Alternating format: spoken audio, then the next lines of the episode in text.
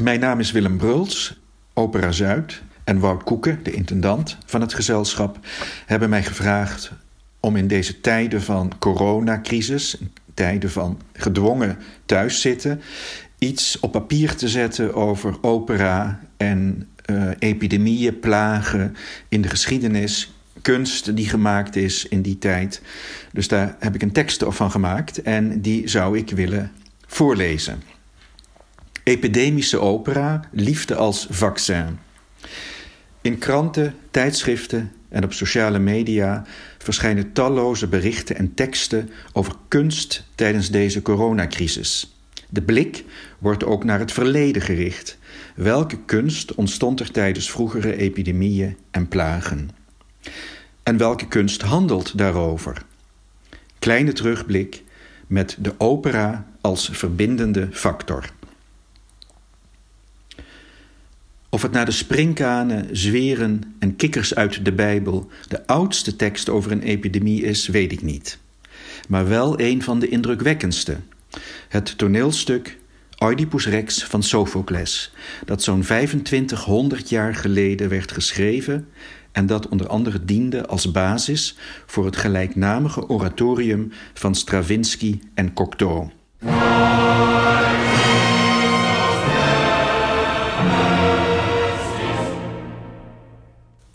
Oedipus is tien jaar koning van Thebe als de stad wordt overvallen door een vreselijke pest.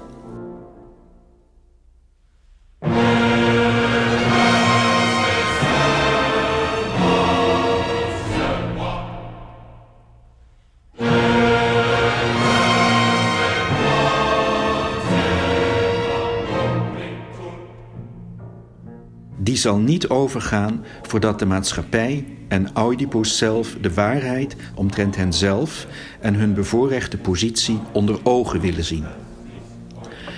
Oedipus werd koning door middel van een moord, al was hij zich daar niet van bewust.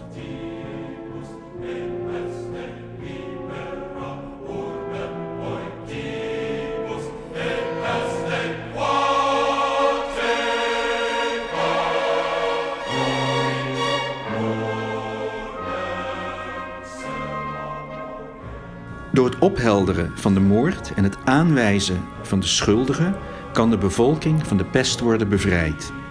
De boodschap van Sophocles is duidelijk. Samenlevingen die op een leugen gebaseerd zijn, kunnen niet gezond blijven.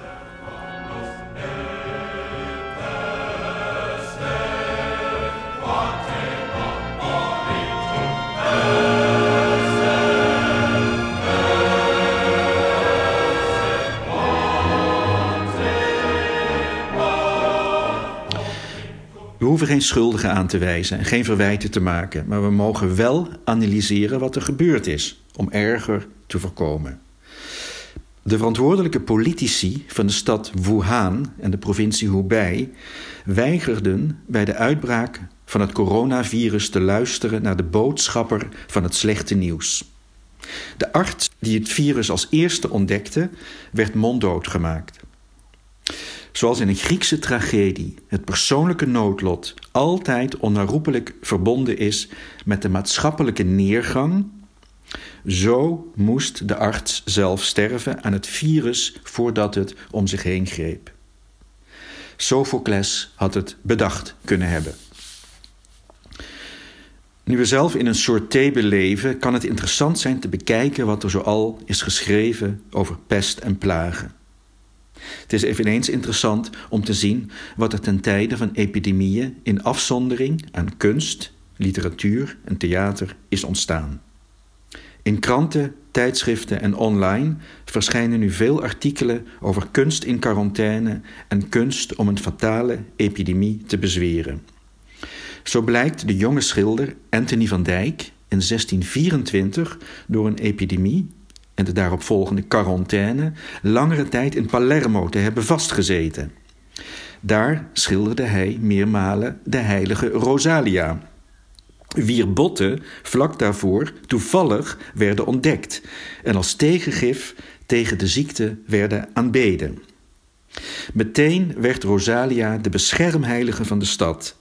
Van Dijk was de eerste die haar portretteerde en daarmee de iconografie van deze Santuzza vastlegde en haar bezwerende kracht visualiseerde.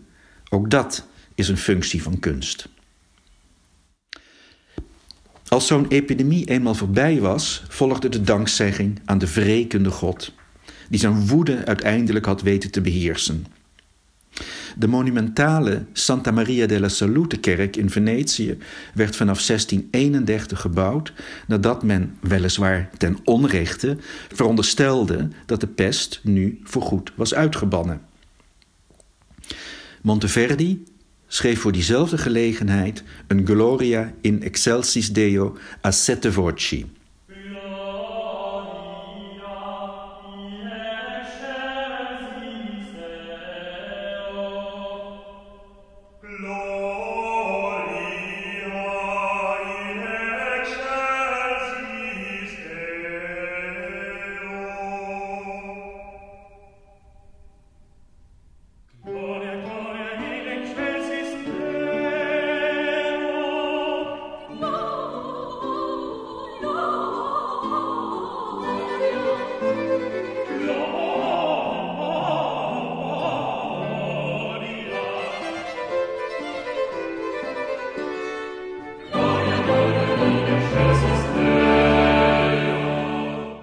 De ziekte kwam later nog meermalen terug in de lagunestad, terwijl de kwetsbare havenstad Venetië nog veel andere epidemieën zou meemaken, waaronder cholera. In Wenen werd in 1679 een pestzuil opgericht, nadat ook daar de epidemie was uitgebannen. Nu, tijdens de coronacrisis, ontsteken talloze gelovigen daar weer hun kaarsjes. De eerste pandemie. Er kan hier slechts een kleine selectie worden gemaakt van het vele materiaal dat is overgeleverd. Alleen al de vele pestepidemieën uit de middeleeuwen hebben talloze artistieke gevolgen gehad. De grootste plaag, de Zwarte Dood, die vanaf 1347 Europa teisterde, vond haar oorsprong in 1334 in de provincie Hubei in China. Het is een van de eerste pandemieën uit de wereldgeschiedenis.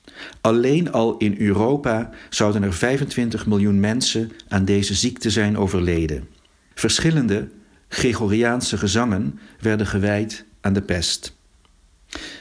Stella celi extirpavit, que lactavit dominum, mortis pestem quam plantavit, primus parens hominum. Vrij vertaald, de pest doofde de goddelijke sterren aan de hemel en zaaide de dood in de mens.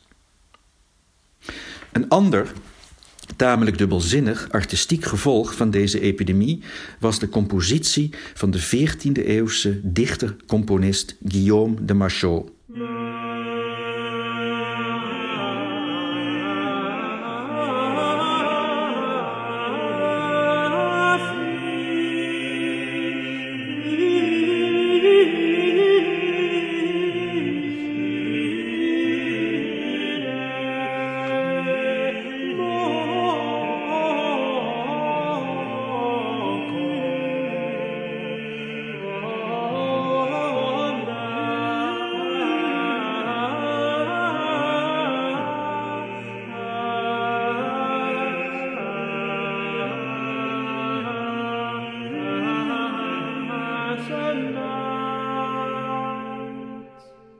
Hij schreef het relatief onschuldige lied La peste ou comment Dieu fit sortir la mort de sa cage.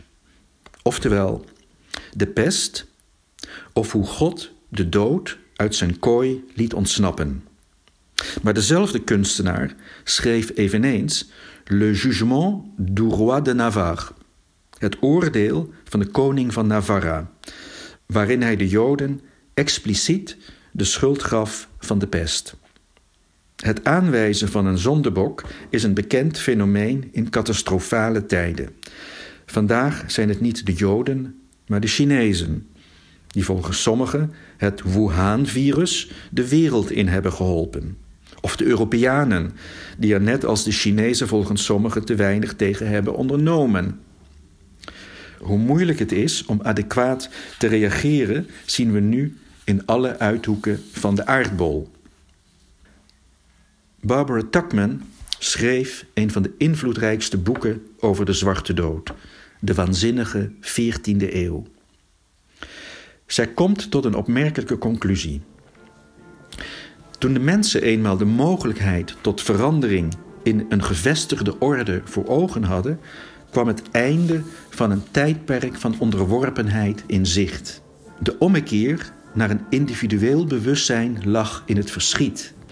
In zoverre is de zwarte dood wellicht het onofficiële en niet als zodanig erkende begin van de moderne mens geweest, aldus Stockman. Met andere woorden, de pest luidde een proces in dat zou leiden tot humanisme en renaissance.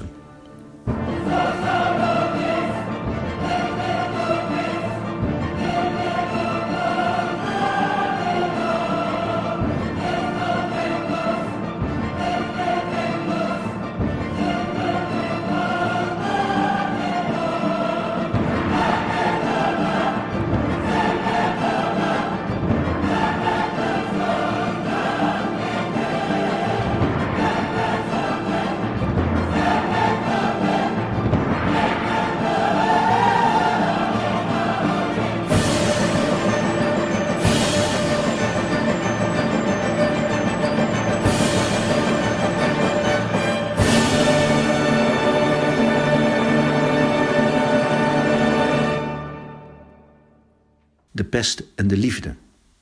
Toen de zwarte dood in de jaren rond 1350 Florence bereikte, inspireerde dat Giovanni Boccaccio tot het schrijven van zijn Decamerone.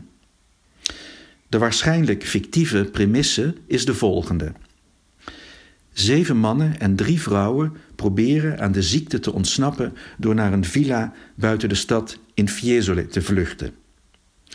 Daar vertellen zij, om de tijd te verdrijven, elkaar tien dagen lang, eigenlijk veertien, maar er waren ook rustdagen, per persoon één verhaal per dag, wat neerkomt op honderd verhalen. De Decamerone, met zijn liefdesavonturen, is de geschiedenis ingegaan als een erotische en scabreuze serie vertellingen, wat in zijn tijd als revolutionair mag worden beschouwd. Luister eens goed, hè, mannetje van me. Als ik de zin in had, oh, ik zou er mijn hand niet voor hoeven omdraaien, hoor. Want er is meer dan één galante jonge man die een oogje op me hebt. En die me maar wat graag met een bom geld, of als ik dat zou willen, met mooie kleren en juwelen zou verwennen. Maar zoiets, dat zou ik nooit over het hart kunnen verkrijgen. Want van dat slag ben ik niet, hè.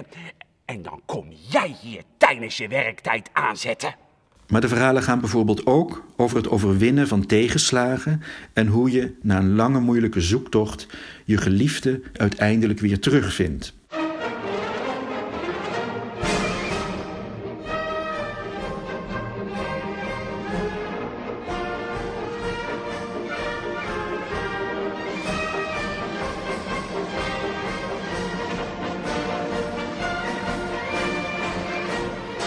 Liefde was voor Boccaccio een bijzondere natuurkracht die zich niet laat onderdrukken en die zowel genot als pijn brengt. Iedereen wijdt zich aan liefde, ongeacht afkomst. Omdat zij door alle lagen van een samenleving heen werkzaam is, veroorzaakt ze conflicten en botsen met sociale structuren. Deugd bestaat niet uit het onderdrukken van de natuurlijke instincten, maar uit het vermogen om die instincten te volgen en toch te beheersen. Hiermee formuleerde Boccaccio een geheel andere visie op de menselijke natuur, die fundamenteel afweek van de religieuze moraal. Net als bij de Grieken werd volgens Boccaccio het leven niet alleen gestuurd door liefde en driften, maar ook door het lot of het noodlot. Je kunt je natuur dus wel beheersen, maar niet uitschakelen. Shakespeare and Love. De maatschappelijke en culturele veranderingen die ten tijde van Boccaccio werden ingezet, leidden inderdaad tot een nieuwe tijd. William Shakespeare is daar op zijn manier een product van. Maar zijn theaterstukken zijn tegelijkertijd een ernstig vraagteken bij de notie dat de mens, eenmaal verlost van obscure religieuze dogma's, als vanzelf een redelijk en rationeel wezen zou worden. Shakespeare-kenners zijn het erover eens dat de vele plagen en epidemieën die zich tijdens het leven van de schrijver voordeden, mede hebben geleid tot het betrekkelijk sombere mensbeeld dat uit zijn toneelstukken spreekt. De feiten zijn veelzeggend. Drie maanden na zijn geboorte, in 1564, woedde er een pestepidemie in Stratford upon Avon, die de bevolking decimeerde. Hij overleefde omdat zijn moeder hem meenam naar haar eigen geboorteplaats. In de jaren 1592, 1593 waren de theaters in Londen gesloten vanwege een epidemie. Wat Shakespeare waarschijnlijk heeft aangezet tot het schrijven van de epische gedichten Venus and Adonis en The Rape of Lucrece, die weer zouden resulteren in opera's van respectievelijk John Blow Hans Werner Henze en Benjamin Britten. Tarquinius will dare. The shadows of the night conspire to blind his conscience and assist desire. Panther agile and panther virile, the prince steals through the silent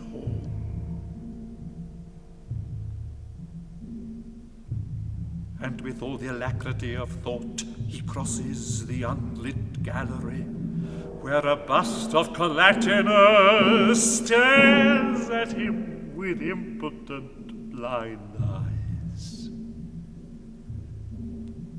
Now he's passing Bianca's door. Wake up, old woman. Warn your mistress. Toen de pest in 1603, 1604 opnieuw toesloeg, werkte Shakespeare waarschijnlijk aan Measure for Measure, zijn stuk over machtsmisbruik en hypocriet puritanisme, waaruit Richard Wagner das Liebesverbot destilleerde.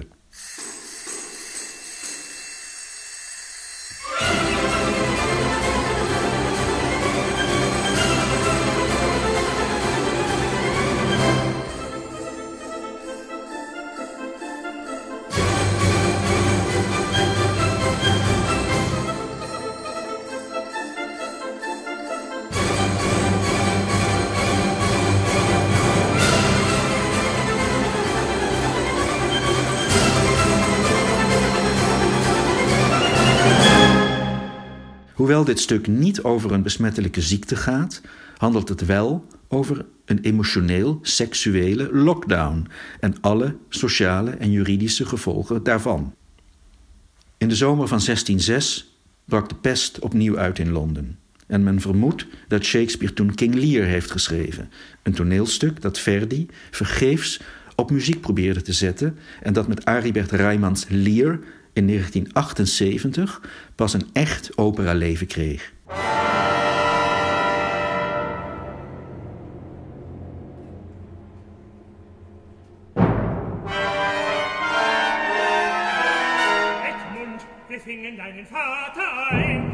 Befand sich ein Brief mit Nachricht, dass die Armee von Frankreich in Dover.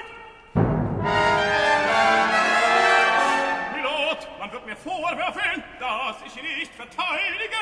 Hände, Verräter, auf der Stelle. Und so des Sohnes Pflicht verletze. We weten niet precies wanneer Shakespeare wat exact schreef, dus het blijft speculatie of een stuk tijdens een epidemie werd geschreven. Wel is het zo dat de auteur zijn gehele professionele theater- en schrijfcarrière te maken heeft gehad met plagen en de daaropvolgende langer en, of korter durende sluitingen van de theaters. Het gezelschap van Shakespeare, The King's Men, is waarschijnlijk ook het eerste cultuurinstituut geweest dat een bail-out van de overheid heeft gekregen tijdens een epidemie. Net zo min als we exact kunnen zeggen wanneer Shakespeare iets schreef, spelen de epidemieën amper een rol in zijn oeuvre. Op enkele korte textuele verwijzingen na zijn ze geheel afwezig. Emma Smith betoogt in de New York Times dat de afwezigheid van epidemieën in Shakespeare's geschriften inherent is aan de thematiek van zijn werk. Het ging hem niet om de kwantiteit van de sterfgevallen, maar om de kwaliteit van dat ene enkele tragische levenslot. His fictions reimagine the macro narrative of epidemic as the micro narrative of tragedy, setting humane uniqueness against the disease's obliterating ravages. His work is a cultural prophylactic against understanding disease solely in quantitative terms, a narrative vaccine. In het portretteren van dat ene stervende personage zei Shakespeare meer over de menselijke breekbaarheid dan de pest zelf ooit in zijn geschriften had kunnen doen. Sophocles was explicieter. Het ging hem om Oedipus en de gemeenschap van Thebe. En vooral de verantwoordelijkheid van Oedipus voor het zielenheil van die gemeenschap. Het is een simplificatie om dat bij Shakespeare om te draaien. Om te beweren dat het collectief de tragiek van het individu veroorzaakt. Romeo en Juliet, dat opera's van Bellini en Gounod en een ballet van Prokofjev opleverde, is een interessant stuk in deze context. Wie het werk goed leest, weet dat het eigenlijk niet om het liefdespaar gaat, maar om de maatschappij die hun liefde onmogelijk maakt.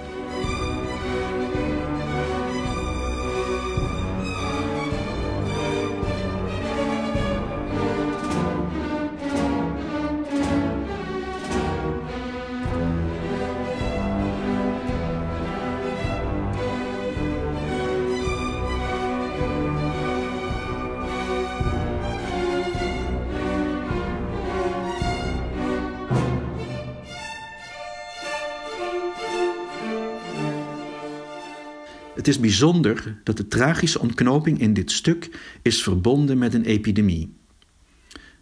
Broeder John, die van broeder Lorenzo een brief voor Romeo moest afleveren, werd vanwege quarantainemaatregelen in Noord-Italië opgehouden. Het noodlot wilde dat Romeo veronderstelde dat Julia dood was, waarop eerst hij en daarna de ontwaakte Julia zelfmoord plegen. We zijn nu wanhopig op zoek naar een vaccin tegen het coronavirus. In zijn toespraak deelde koning Willem-Alexander zijn angst voor het eenzaamheidsvirus. Ook hier kunnen we van Shakespeare leren. In The Midsummer Night's Dream figureert een bloem die een liefdessap bevat. Als dat in een slapend oog wordt gedruppeld, zal die persoon verliefd worden op de eerste de beste mens die hij of zij tegenkomt. Of beter, het eerste, het beste levende wezen, want het kan ook een ezel zijn. Het liefdesvaccin tegen liefdeloosheid, als we dat in deze tijden nou eens zouden ontdekken. Misschien vinden we het in The Fairy Queen van Henry Purcell.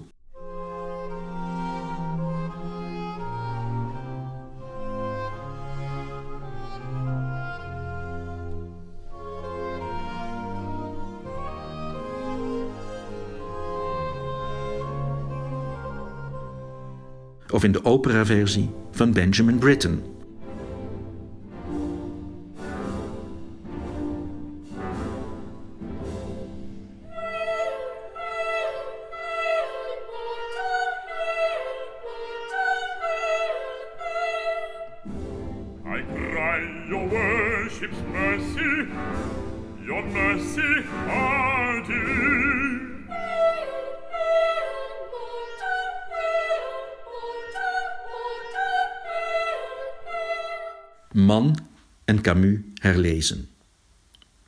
Met Shakespeare breekt een nieuwe tijd aan, die op zijn beurt resulteerde in het optimisme van de 18e-eeuwse verlichting.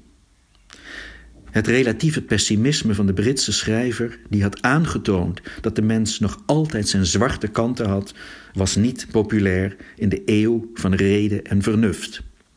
Pas in de 19e en de 20e eeuw vindt de stem van Shakespeare weer weerklank. Thomas Mann kan moeilijk een navolger van Shakespeare worden genoemd. Maar hij schreef wel een van de meest aangrijpende teksten over een epidemie. Eigenlijk ook een pandemie. Dood in Venetië.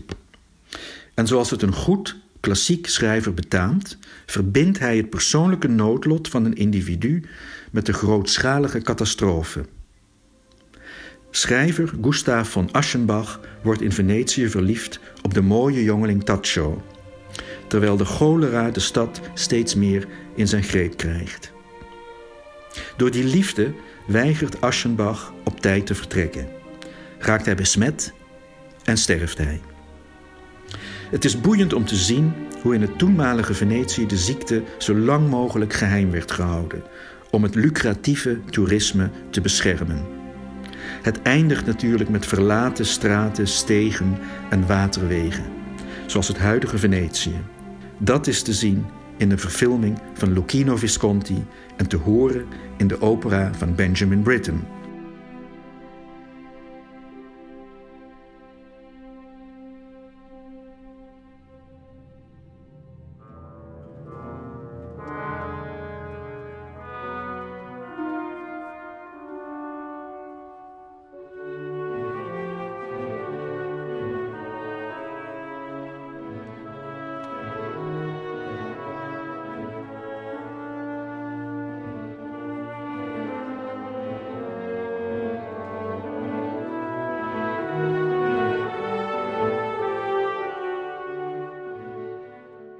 Een laatste belangwekkende tekst over een epidemie is De Pest van Albert Camus, die het werk vlak na de Tweede Wereldoorlog publiceerde.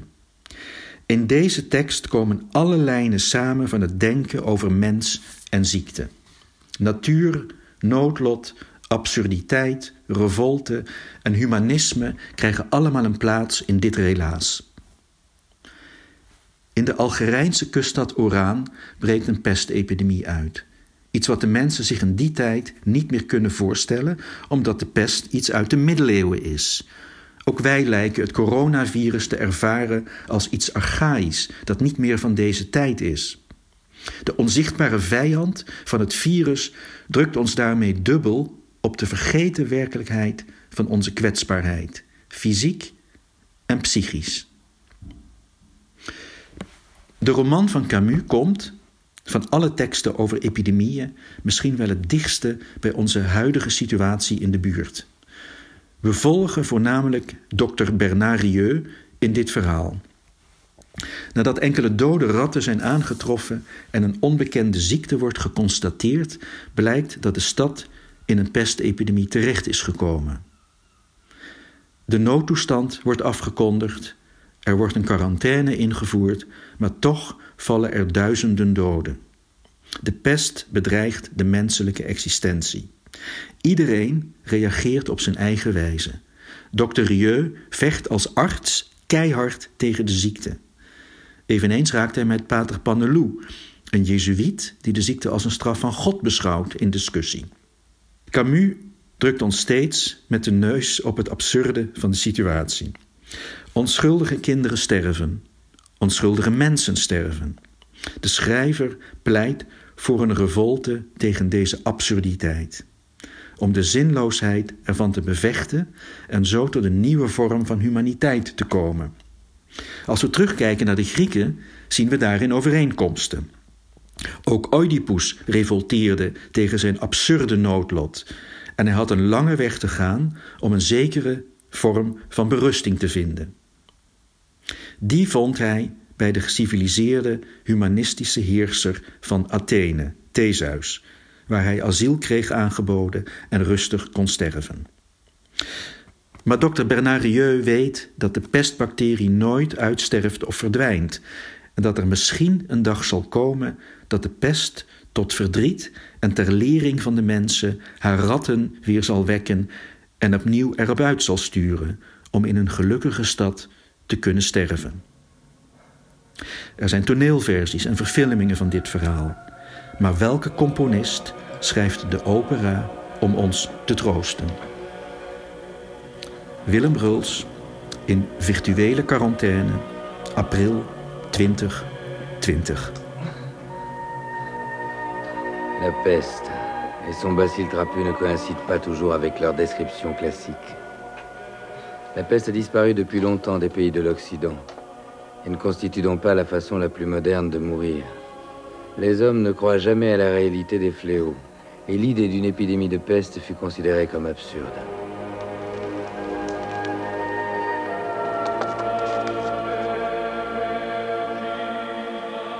Qu'y a-t-il de plus réel que la mort? Pourtant, quand la souffrance nous ôte jusqu'au réconfort de rentrer chez soi, la réalité elle-même devient une abstraction.